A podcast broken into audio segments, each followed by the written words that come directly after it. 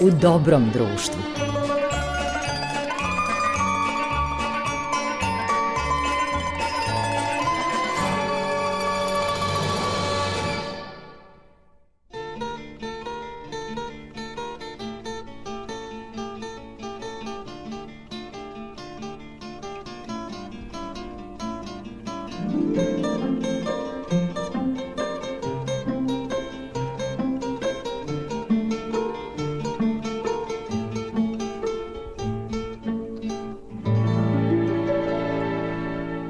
Slušaoci, dobrodošli u emisiju U dobrom društvu, novo izdanje ove emisije na talasima prvog programa radija, radio, televizije Vojvodine.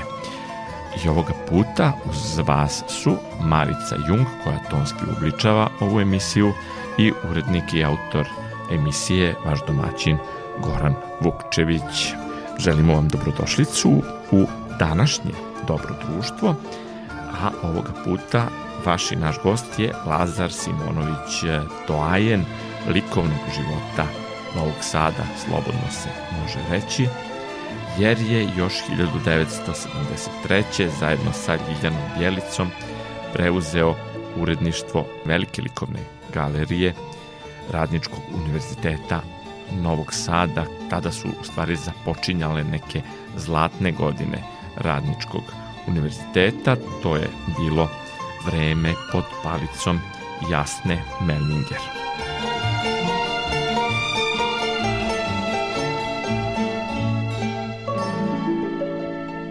Lazar Simonović, naš današnji gost, bio je jedan od osnivača Kulturnog centra mladih Novog Sada, današnjeg Kulturnog centra Novog Sada i kao kustos zaista je decenijema obeležio likovni život ovoga grada. Sve ostalo saznaćemo u razgovoru koji sam zabeležio sa Lazarom Simonovićem.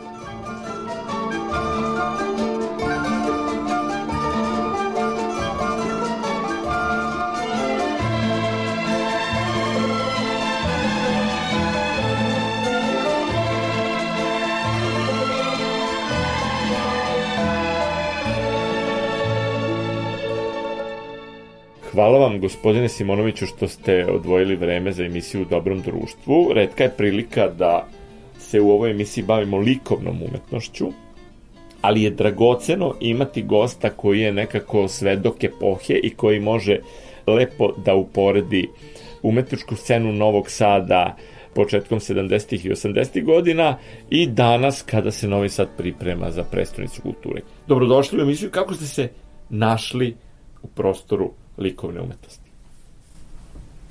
A poštovno uradniče, sad ste me ovaj, prepali, ovaj, ja se, vi sad kažete epoha, ja sam bio ubeđen da je to tek par decenija, a sad dobro. Pa život začas jeste, be, proleti. Jeste, vreme teče. O, pa ništa to se desilo jednostavno. U to vreme je još ovaj, muški svet ove zemlje morao da ide, da, da ide u vojsku. Ja se sećam da sam se vratio 1973. godine i mm, bio sam u kontaktu sa mojim profesorom. Gde ste bili u vojsci? Bio sam na Visu, na otoku Visu. Mediteran je znao da bude jako negostoljubiv i kamenjari mediteranski za, za vojsku, ali to je, to je druga priča. I se to završilo, ja sam bio u kontaktu sa profesorom mojim, Boškom Petrovićem, koji je osnovao galeriju Kulturnog centra na Radničkom univerzitetu. I znam da je mi je poručio da on zbog poslova na višoj pedagoškoj, odnosno viša pedagoška je onda prerastala na, u akademiju likovnu, da on nikako više ne, ne može da, da vodi galeriju. I onda mi je rekao da tu i tamo ima mene poverenje i da, da se javim i ja sam, onda je direktor Centra za kulture bila pesnikinja Jasna Melvinger i evo, Jasna Melvinger i ja smo odličnom sazvujuću decenijama radili u tom centru. Prvo nam recite nešto o svemu što ste činili na planu kulture i umetnosti ovoga grada, s obzirom da ste uz Vladimira Stanića osnivač Kulturnog centra Novog Sada, koji je i danas živ i aktivan. Dobro što ste me setili to i to jeste vid ovako moje visoke reference tokom radnog veka. Sem tog čina osnivanja Kulturnog centra Novog Sada, odnosno reosnivanja, pošto je ta ustanova je postala pod nekim drugim, ovaj, kroz neke druge vidove. Ali, dakle, moja generacija i koji smo bili kustosi, odnosno urednici u, u institucijama kulture, se kalila na razne načine i pre toga. Kada sam počeo da radim kao mlad urednik na radničkom univerzitetu, koji je u to vreme imao svoj centar za kulturu. Zanimljivo je bio složen, taj centar za kulturu je imao dve galerije, imao je veliku galeriju na radničkom univerzitetu koju je osnovao Boško Petrović, profesor, inače moj, moj baš profesor. I čuveni profesor. Jeste, Boško Petrović. Taj prostor je opet prekomponovao i za galeriju je preuredio arhitekta Mirko Krstonošić. To je bila jedna krasna galerija sa divnim belim panoima, ali stabilnim i uopšte jedan evropski standard je. Imali smo mali likovni salon, to je u to vreme pripadalo radničkom univerzitetu, i tamo je bila, tamo smo imali prodaju slika i po izlaganja manjih kamernih izložbi i pri tom e, malom likom salonu je bila poslovnica, koncertna poslovnica.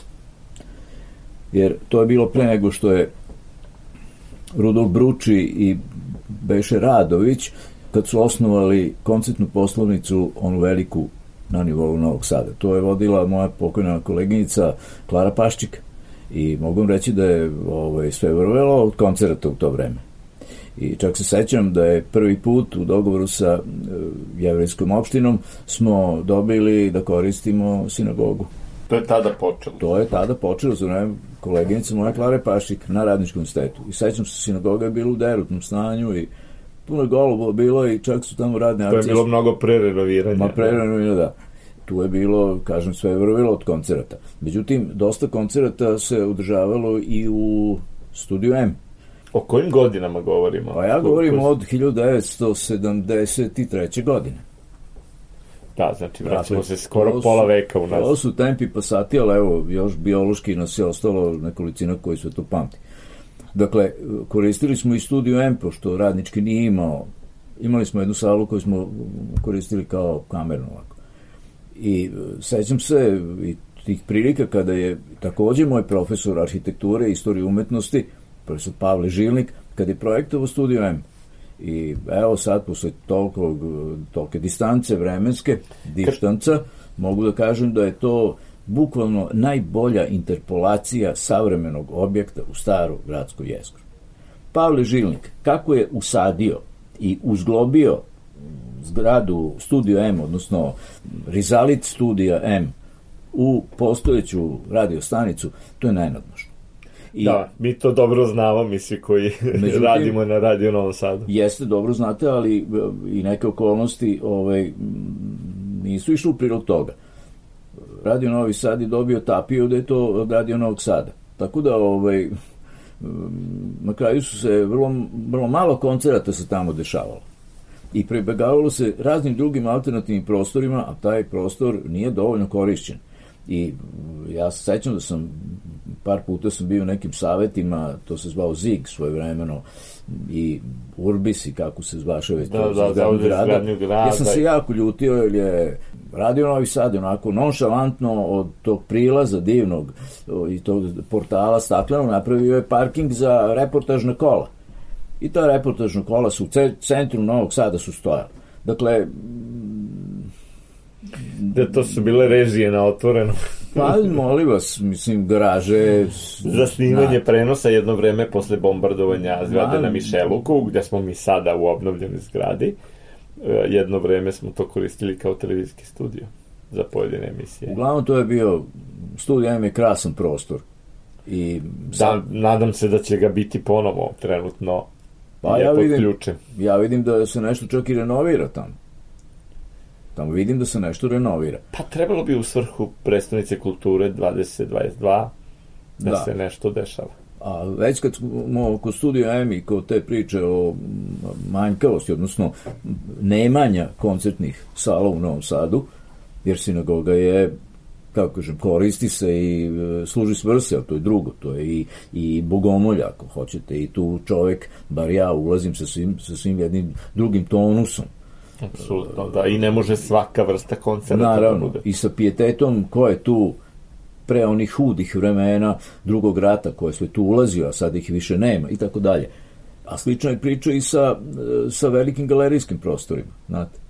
Ove, a sad ću reći zbog čega ovo sve to pričam. E, znate, Novi Sad nema, nema neku monolitnu galeriju gradsku ili najgradsku ili galeriju koja bi mogla da funkcioniše. Ozbiljnih dimenzija, da. Respektivnih, da, ozbiljnih. Dok recimo moramo da kažem ovaj, da Novi Sad tu i tamo ima čak osam sala gde se mogu izvoditi pozorišne predstave.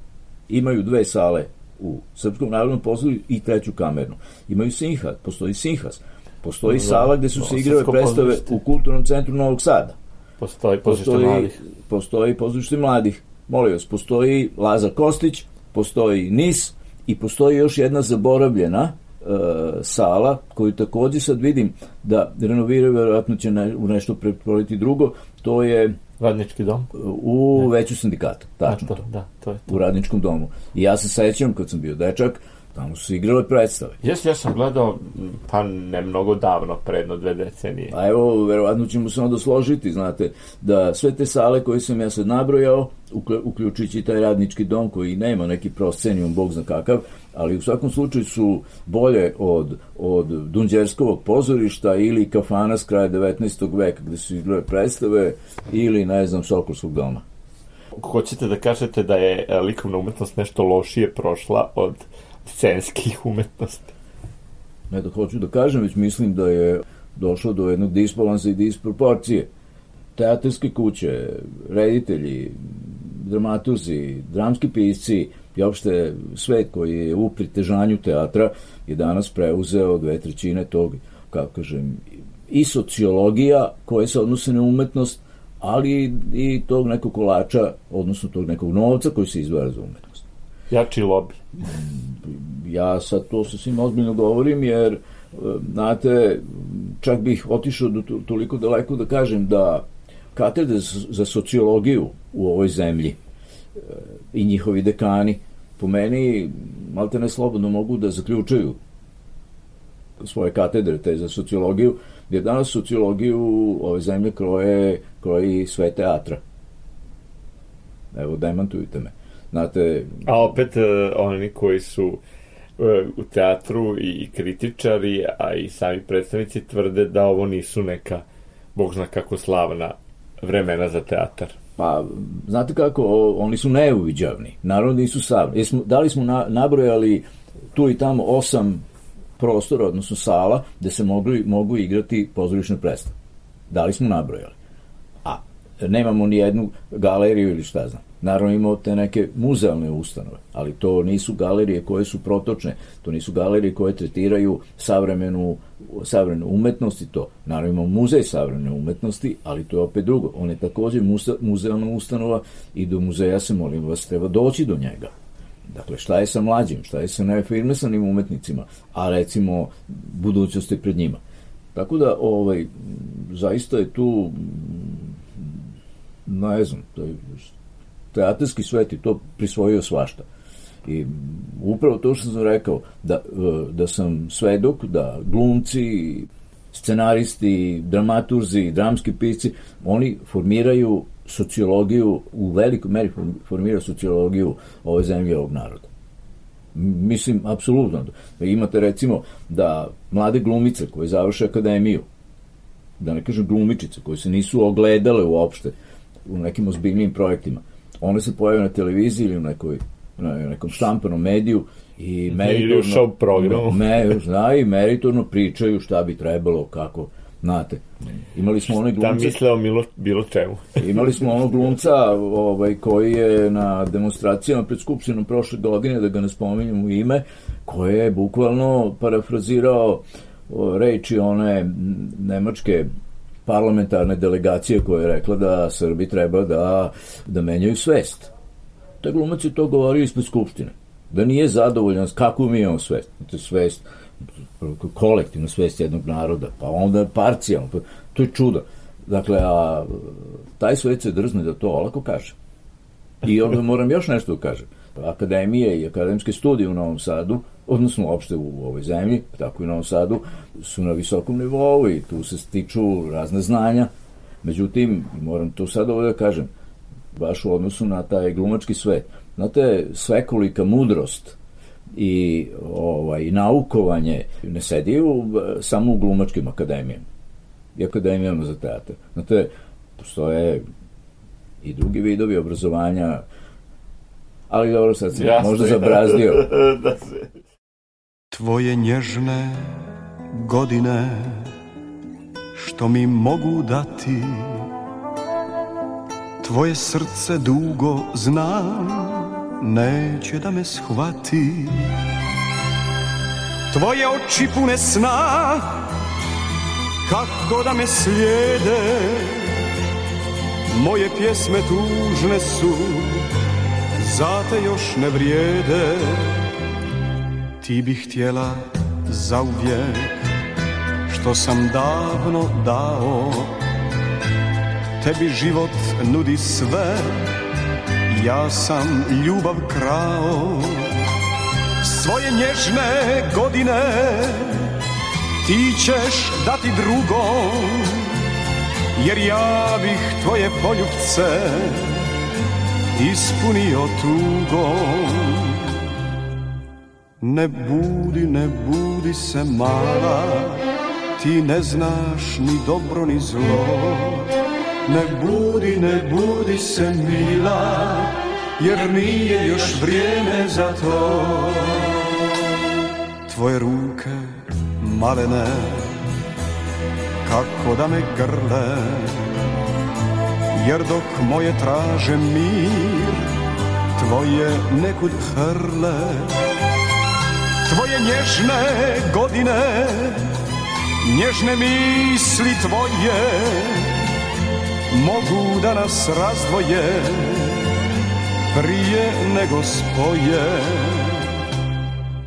Ne budi, ne budi se mala, ti ne znaš ni dobro ni zlo. Ne budi, ne budi se mila, jer nije još vrijeme za to. Tvoje ruke malene, kako da me grle, jer dok moje traže mir, tvoje nekud hrle. Tvoje nježne godine Nježne misli tvoje Mogu da nas razdvoje Prije nego spoje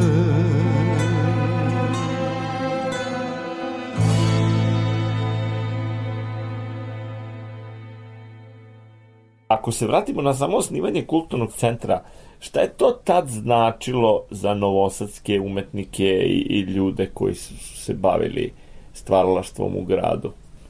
To nije bilo bukvalno osnivanje, to je bilo, kako da kažem, unapređivanje i reosnivanje već postojećih institucija. Dakle, postoje tribina mladih. Onda je tribina mladih na, to je bilo u onom periodu liberala i razačunavanja sa liberalima, tribina mladih je preimenovana u kulturni centar mladih. Da, to je kad je Tito se obračunao sa liberalima. Jeste, ali onda je popunjen, onda su resori u toj, tom kulturnom centru mladih, odnosno urednici su popunjavani iz omladinskog komiteta i kulturno-umetničkog društva Svetozar Marković ili Sonja Marinković i tako. Morali dakle, su biti negde, kako bih rekao, ideološki kontrolisani. Bili su i tekako. Mada smo mi u to vreme govorili da su to sve poluge društvenog uticaja. To je lepo rečeno i onako arhitektonski dobro zvuči. Međutim, poluge društvenog uticaja znači da vas neko kontroliš.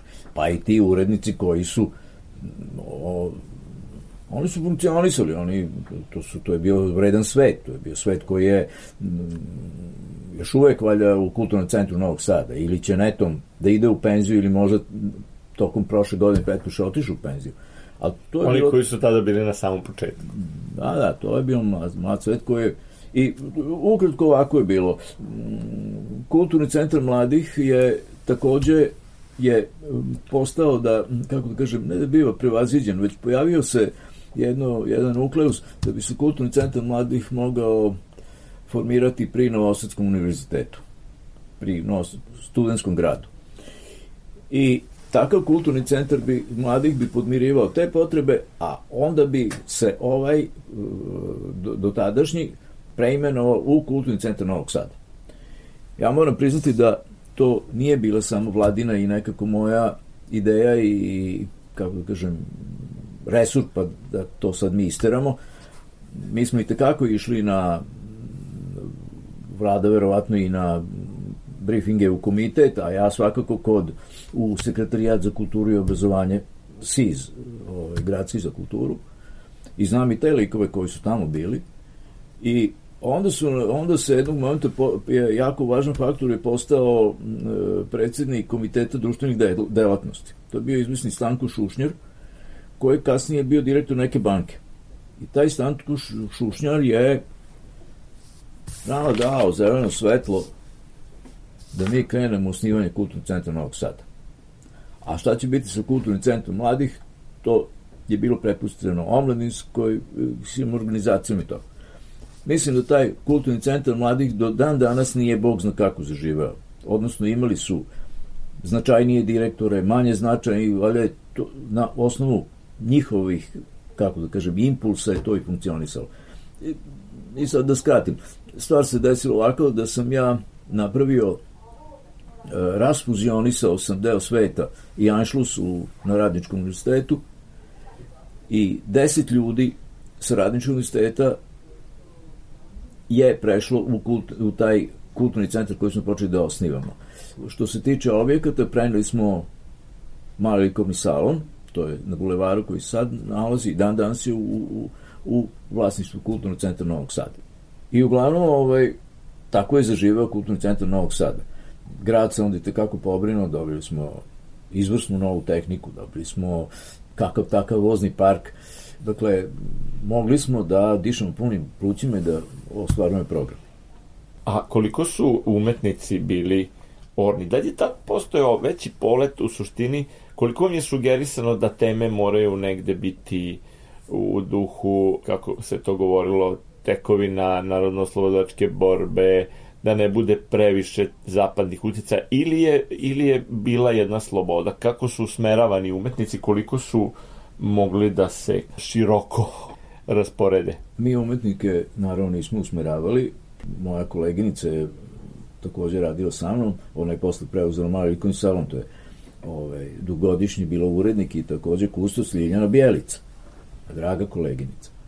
I mi smo pravili programe, odnosno ja sam tamo jedno vreme sam bio u tom takozvanom inokosnom organu, a to je to neki rogobatni naziv kad ste rukovodioca.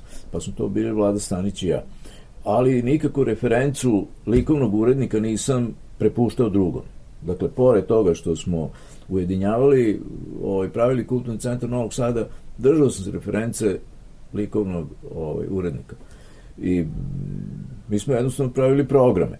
I pošto je finansiranje bilo izvesno, mogli smo vrlo napred da planiramo. Možda... A nije vam niko slobodu sputavao? Pa ne, ne, apsolutno. Čak bih rekao da je pre ovim promenama, u vreme otpora, u vreme demokratske stranke, pa možda sad, ne znam šta, šta sad dešava, tu je bilo nekih To su apsurdi insist, naših prostora. Insistiranje. Pa ja vam to kažem, to je bilo jasne, insistiranje. Jasne. Potpuno mi je. E sad, ja sam u to vreme bio jednostavno autonoman urednik i čik da vidim da, je, da me je neko da me neko terao da, da nešto moram da odradim. Naravno, par puta je bilo nekih varnica, ali to sam ja i zaboravio i znam da je jedan put na, zapravo denuncijaciju jedne moje koleginice je prekinuta velika izložba koja se zvala East West. To smo radili sa Slovencima i već je napravljeno, to je bilo urađeno. E, sa strane Slovenice to je radio pesnik Francis Zagoričnik. Ja sam radio odavde. I tu su bili oni divni Šalomonovi radovi i tih ovaj, postkonceptualista slovenačkih. Međutim, onda je po toj nekoj zloj, zloj karmi je javljeno u komitet Neki eksponat zasmetao? Ne, zasmetao jer je Želimir Žilnik je trebao da na otvaranju te izložbe East West, već je katalog bio oštampan u Sloveniji, divni, veliki, trebao je da pusti neke filmove, dokumentarne koje je on snimao o našim našim uh, radnicima, ovim gastarbajterima koji su bili u Nemačkoj. To je dokumentarno bio film. Međutim, onda se ta osoba setila da on nema nešto što se zove karton za, za proje, projektovanje. Nema dozvolu, neki karton, karton za projektovanje. Ja to nisam ni znao šta je. I on tu zaista čovjek nije imao. I tu je počelo, počelo da natezanje, ucenjivanje i sećam se Bogdanka Poznanović takođe trebala tu da učestvuje. Liča prijatelj bila sa sa Šalomonim, braćom Šalomonim, Zagorečnikom. Bogdanka je kod nas tu bila jedna prvi, prvi poslenika konceptualne umetnosti. I Bogdanka se, ne znam iz kog razloga, nešto uplašila i onda je rekla da ona ne može, njene radove povukla i tako da ta izložba propala. E, to, Znači nije ni otvoren. Tog šuma nije otvoren i to mi je žao. I što je najgore, u Sloveniji posle godinama je i Francis Zagoritnik i taj krug koji je još bio su govorili da je u Novom Sadu vlada ždanovizma, ždanovizam i to.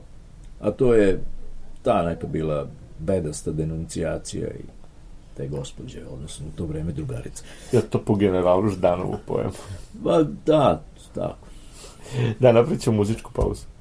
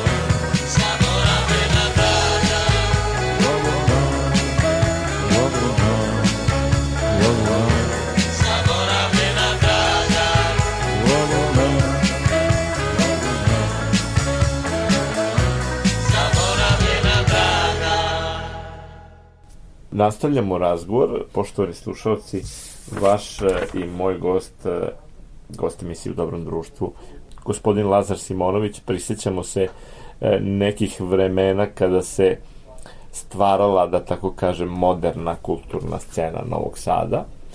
Gospodin Simonović je jedan od osnivača kulturnog centra Novog Sada, a takođe i dugogodišnji urednik likovnog programa Radničkog univerziteta. Pominjali smo tu izložbu. Ta izložba je bila inače na Radničkom univerzitetu. Ne, izložba, ne, ta se izložba nije održala. Ne, ona se nije održala. A gde je bila predviđena? Pa u veliku sali Radničkog univerziteta. Da, dole, ja se sećam jedne izložbe gde su bili pojedini plakati slovenački, ali ne mogu da setim koja je to tačno bila godina. U svakom slučaju, kulturni život na Radničkom univerzitetu je bio veoma živi. Novoseljani su imali sjajnu priliku da se sretnu sa najistaknutim jugoslovenskim stvaraocima tih 70. i 80. godina. Dobro se sećam, pohađao sam susrete na drugom spratu gde su dolazili stvarno velikani filma, još mnogo pre nego što sam se opredelio da, da režija bude moj poziv. Ja sam tu imao prilike da upoznam i Lordana Zafranovića i profesora Vladu Petrića i nedavno preminulu Daru Čalenić i mnoge, mnoge druge, Boru Todorovića, Mustafu Nadarevića, takođe koga smo izgubili. Dakle, zaista je bilo vrlo živo, vrlo aktuelno i dolazili su najveći kako je bilo što se tiče likovne scene. Pa da, to što su sad nabrojali, taj segment filmske kulture, bilo tu i edukativnih programa iz oblasti filma. To je vodila moja kolegnica Lina Gantar, Berisavljević. Da, upravo profesor Petrić je održao jedno veče posvećeno da. velikoj Sari Bernard. Kako da ne, bilo je tu i vezanih programa, ciklusa i sad već sam i zaboravio. Jeste, mogli su i projekcija vrlo ekskluzivnih, da. da. Međutim, to jesu bilo dobre vremena za umetnost i to što sam za, odnosno nas koji smo vršili distribuciju umetnosti preko dali, preko filmskih sala ili preko galerijskih prostora ili koncertnih sala, kako hoćete. Ali ovaj, jedino tu jedino je bilo sjajno jer je dotok novca bio konstantan i mogli smo kako da kažem, punim plućima da dišemo i da... Opušteno da planirate. Da, da plan, pa naravno. Međutim, ovaj, znate, nije, nije to u Novom Sadu, ovaj, mi smo bili urednici u to vreme, što se tiče galerije Kustosi, ali i mi smo morali da grabimo tu poslove.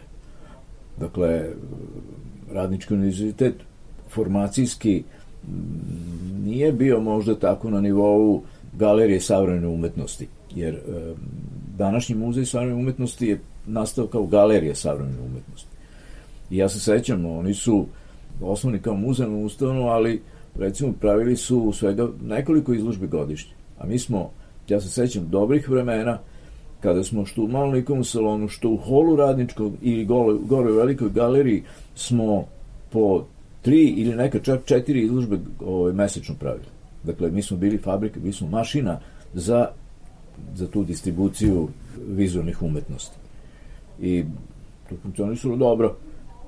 Međutim, u to vreme su i ove muzealne galerije nisu nisu funkcionisali kao danas. Vi u to vreme niste u Galeriji Matice Srpske mogli imati izložbu živih savremenih umetnika. Možda je bio, sećam se, neki izložbe, valjda Feđe Soretića iz Rume, a to je presedan bio. Takođe isto bilo sa strogim ugovorima koje je imao galerije Pavle Beljanski. Šta, šta sme tamo? Šta sme, naravno. Kasnije to Rajko Mamuzić još strožim ugovorom omeđio. Taj prostor na prvom spratu Radičkog instituta, rekao sam već, adaptirao ga je arhitekta Mirko Krstonošić. I to ga je, sjajno ga je re, rešio taj da. prostor, naravno. I to je bila krasna galerija. I znam da su inostrane izložbe kad smo pravili to, su se ljudi divili. Dok međutim, dati samo To treba prepoznati. Galerija spomenik zbirke Pavla Beljanskog je specijalno projektovana za zbirku. A ima jako mnogo manjkavosti. I meni je žao, recimo, što to moji novosuđeni uopšte ne, ne primećuju. Znate, ta zbirka Pavla Beljanskog uglavnom počiva na, na umetnosti A puta B, dakle na, na slikama i na grafikama, na crtežima, manje na skulpturama. Međutim, kako je razrešen donji prizemni Prostor. prostor sa desne strane, arhitekta i njegov pomoćnik, to je bilo između Seja Babin, arhitekta, su razrešili tako što su sa tri strane su taj prostor ovaj, ogradili sa staklima. Ajde sad, znate, sa staklima možda može ako se skulpture izlažu. Ali i skulpture ne mogu na staklima, jer e, metalni ramovi koji drže ta sta- stakla seći će skulpture ili seći će postamente skulptura ako ih postavite u taj flor, u taj prostor. A, dakle, a skulptura i malo, nema bog zna koliko u Pavlu Beljanskog. Međutim, sve su slike, najviše slika. I onda gospođa Vera Jovanović, koja je bila prvi direktor, ona je morala da naruči neke klimove panoje i da te panoje stave u staklene zone i da se tamo izlaže. Dakle, to je teški propust arhitekte. No, kažem, udaljio sam se, ali dakle, držali smo, Radnički uni- univerzitet u to vreme držao, ja mislim, dve trećine svih likovnih dešavanja u Novom Sadu. Ja sam se trudio i moja koleginica Ljiljana, ali pogotovo sam ja kasnije kad sam ostao sam u toj galeriji, trudio sam da ta ga- galerija vodi vrlo jasnu galerijsku politiku, da, Da bude lider u gradu što se znao sam šta su, naravno, Likovne umetnosti. Naravno, tretirali smo savremenu umetnost, jer to su bile godine, znate, kraj konceptualne umetnosti i rađanje nešto što smo mi kasnije nazvali postkoncept. To je zapravo kraj moderne Da. umetnosti. I ja danas kad vidim, a da se sećam, recimo, mi sad još imamo nekoliko se tih protagonista konceptualne umetnosti, još dan danas funkcionišu u Novom Sadu. Međutim, ja bih pre rekao da su to, da je to sve u nekom pritežanju postmoderne. Jer jako je malo bilo autora koji su u vreme konceptualne umetnosti hrabro zagazili u to. Kasnije su im se priključivali mnogi.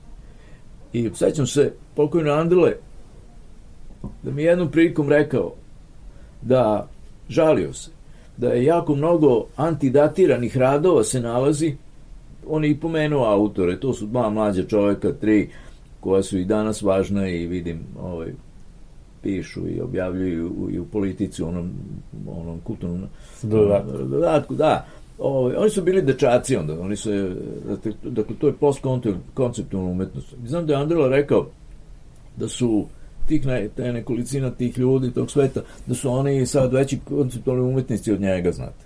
I kad govorimo o to konceptualnoj umetnosti, to je zapravo, evo ja moram da kažem i da je za mene pa i ne samo konceptualna umetnost, zato uopšte e, linije abstraktne umetnosti, geometrijske abstraktne, to je sve ovaj, e, su bili poslednji i moderne. Tako da je meni i u drugim nekim aspekti, aspektima umetnosti mi je žao. U knježevnosti, na primjer. U vreme to, kada je odilazila moderna, ili nešto malo ranije, u Americi ste imali one, ono, ono ozbiljne, sjajnu, sjajne tendencije antiscijentističke književnosti. Dakle, to je bila književnost bez dociranja. A vi ako samo neki švenk napravite kroz današnju književnost koja se ovde tvori, to je jedna književnost koja vas docira vas, tordira vas, mudruje, uči vas, znate. Međutim, ono kao da je zaboravljeno. Isto to imate i u teatru. Ja prosto ne mogu da, da se dovedem pameti, znate, kako je moguće posle jednog Samuela Becketa ili posle jednog Tadeuša Kantora ili koji su a to se dešavalo se u Beogradu, pa i u Novom Sadu je bio odrast toga. Kako je moguće da su današnji dramski pisci i scenaristi zagazili u jedan takav teatar jedne kakofonije i prenapričanosti što se tiče ne samo verbalnosti od svega. Znate, ne mogu da verujem da posle Beketa, koji je, znate, u, po tom principu moderne, a moderna stoji na, kako da kažem, ona se osovljuje na vertikalni nosač i horizontalnu gredu. To je moderno, to imate i u arhitekturi, a kad kažem vertikalni nosač i horizontalna greda, moderne, to je zapravo jasan manifest. I zaista nisam, nisam i sanjao da ću biološki, a i kroz taj neki moj zaboga radni vek, ako je to bio uopšte radni vek, to što sam radio u kulturi, da ću iz karea moderne da ću dočekati postmodernu, u kojoj sve možete i sve nema. U kojim rubne umetnosti postaju umetnost ovaj, u kojima politika vodi glavnu reč u kojima politika dovodi i tako dalje. visoko budžetne izložbe. Nisam mogao da sanjam da ću to bolje, možda da nisam ni doživao. Da. Napravit ćemo još jednu muzičku pauzu, pa ćemo polako da zaključimo ovaj razgovor.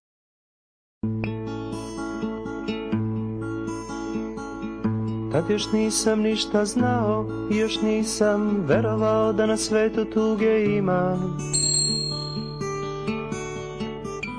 Jedino mi važno bilo da postanem levo krilo ili centar for školskog tima. Tad sam iznenada sreo najtoplijeg leta deo, to su njene oči bile.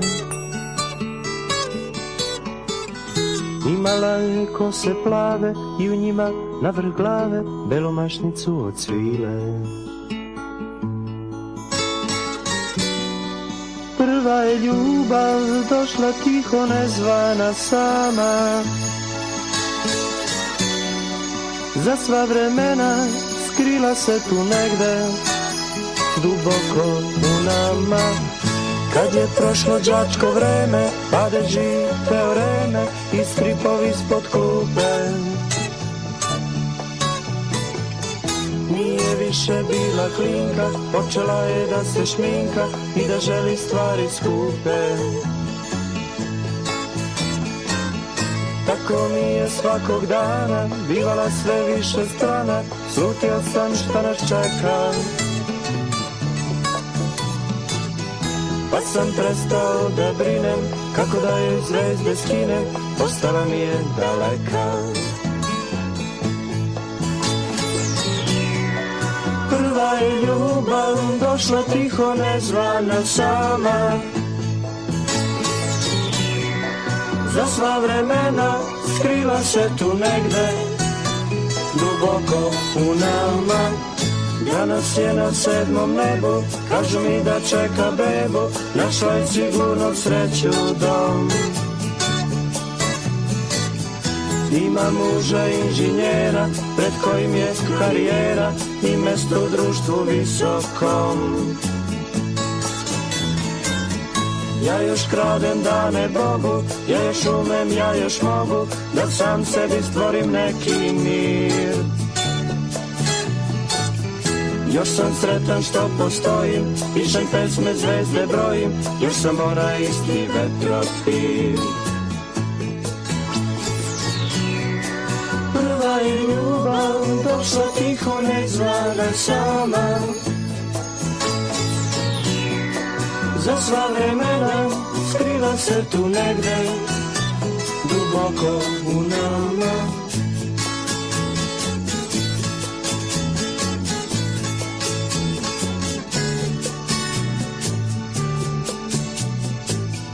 Još sam sretan što postojim Pišem pesme, zvezde brojim Još sam onaj isti vetropir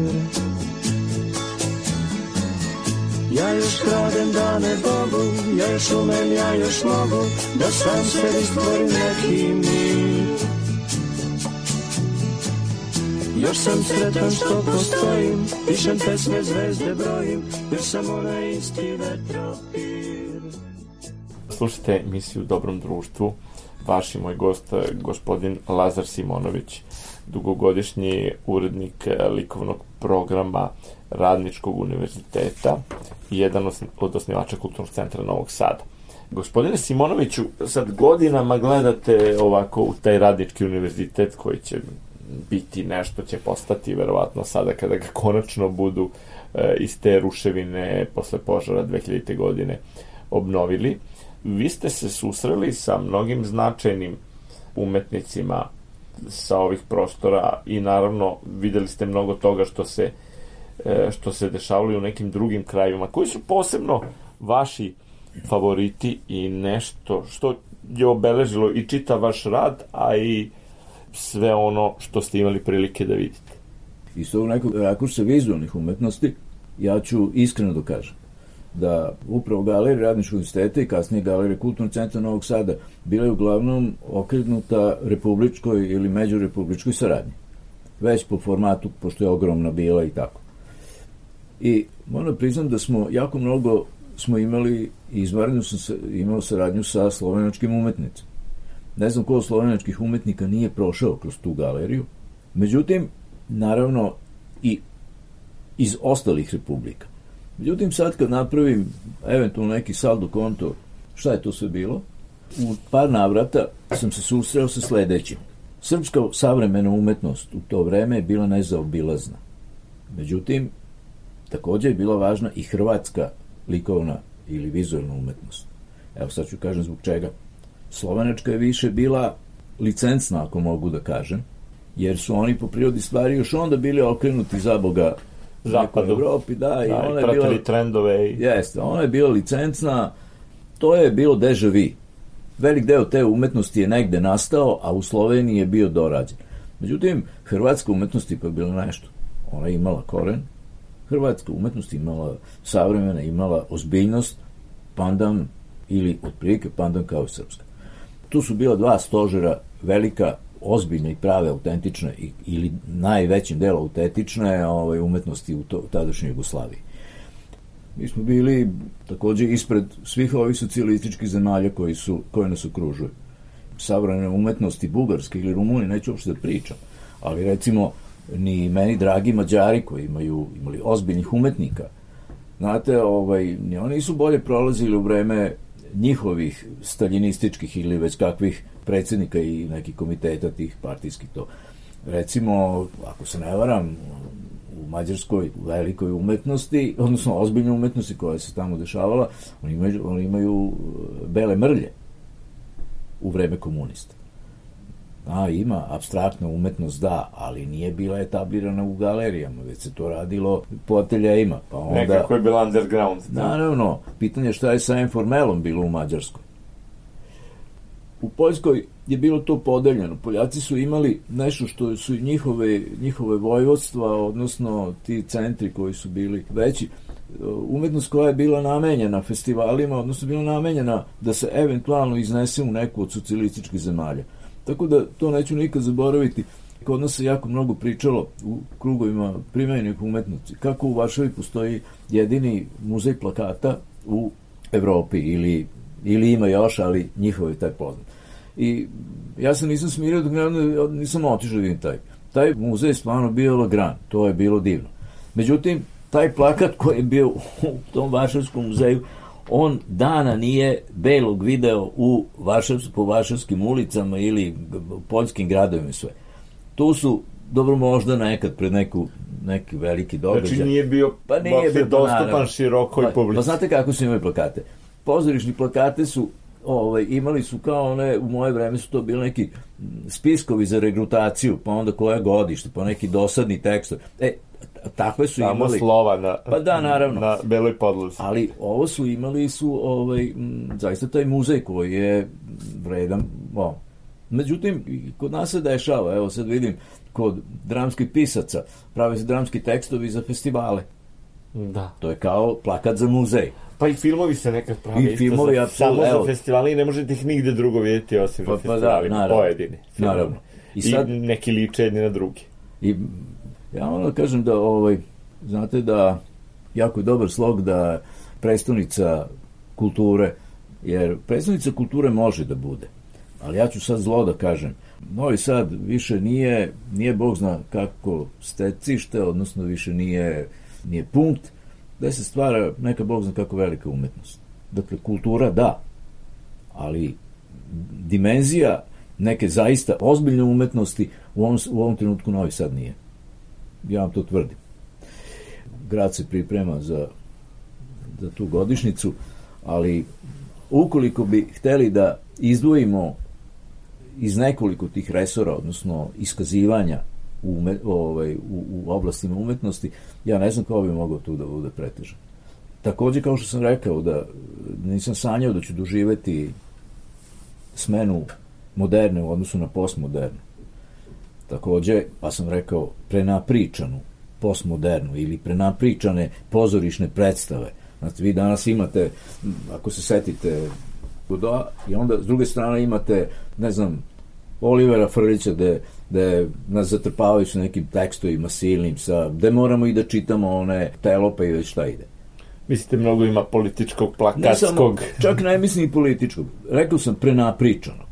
Da. Znate, ovde, jer uh, onda vidite jednom, kako da kažem, uh, moderna imala svoj hod dostojanstvenosti u ekspoziciji.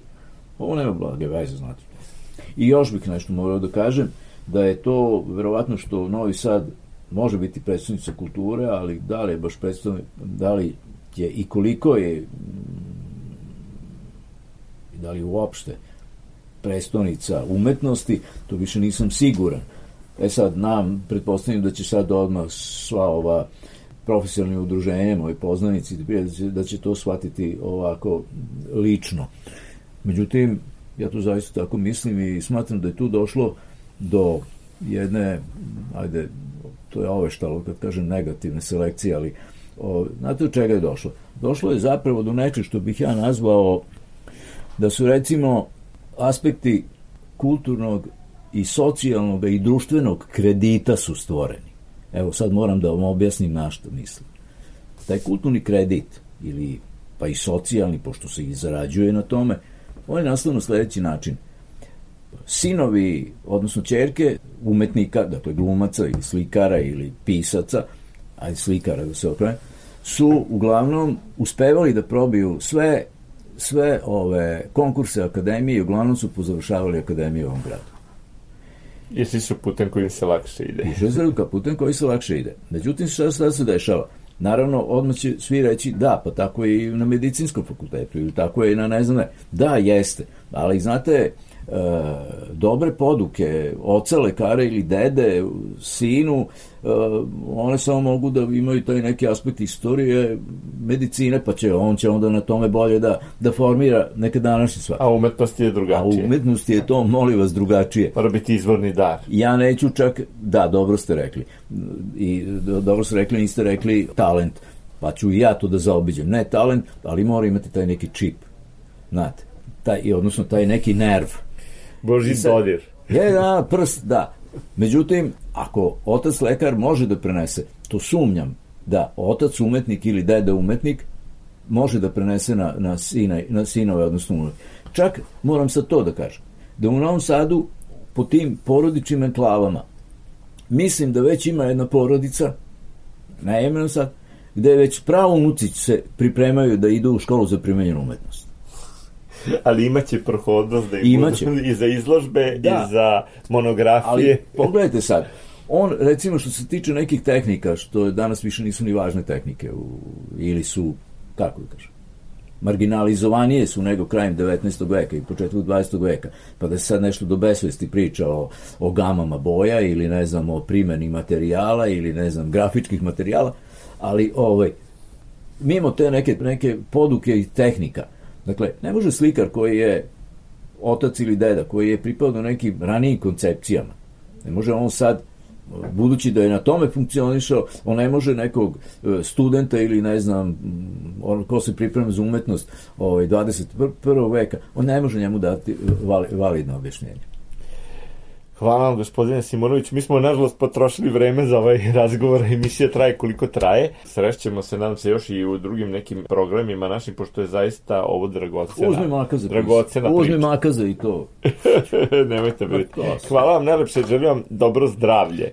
Šta tako loše izgleda? Ja mislim da, Da. ne, ja mislim da likovna umetnost čuva zdravlje. I, Da oglodu. I ovaj, za razliku od nekih drugih, kao što su možda eto, film, scenske umetnosti i televizija pogotovo, ukoliko je televizija, a televizijsko stvaralaštvo nekad i umetnost, recimo mediji i novinarstvo, mislim da sve to skraćuje Ne, to su- život, a da ga umetnost Ne, produžava. ne, ne, ne skraćuje to, ždere ljude. A ja bih dodao novinske kuće, televizija i, molim, znate ko, teatarske kuće opet. Glumački kolektivi, o, oni žderu jedni drugi.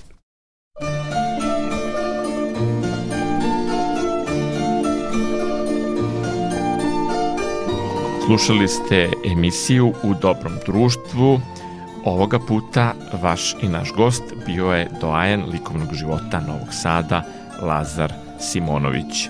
Uz vas su bili Marica Maca Jung za Mix pultom i Goran Vukčević, vaš domaćin. Očekujemo vas i sledećeg petka. Do tada ovu emisiju možete slušati i u repriznom terminu posle vesti od 16 časova, a takođe i na sajtu Radio Televizije Vojvodine rtv.rs pod opcijom odloženo slušanje. Ostanite u dobrom društvu.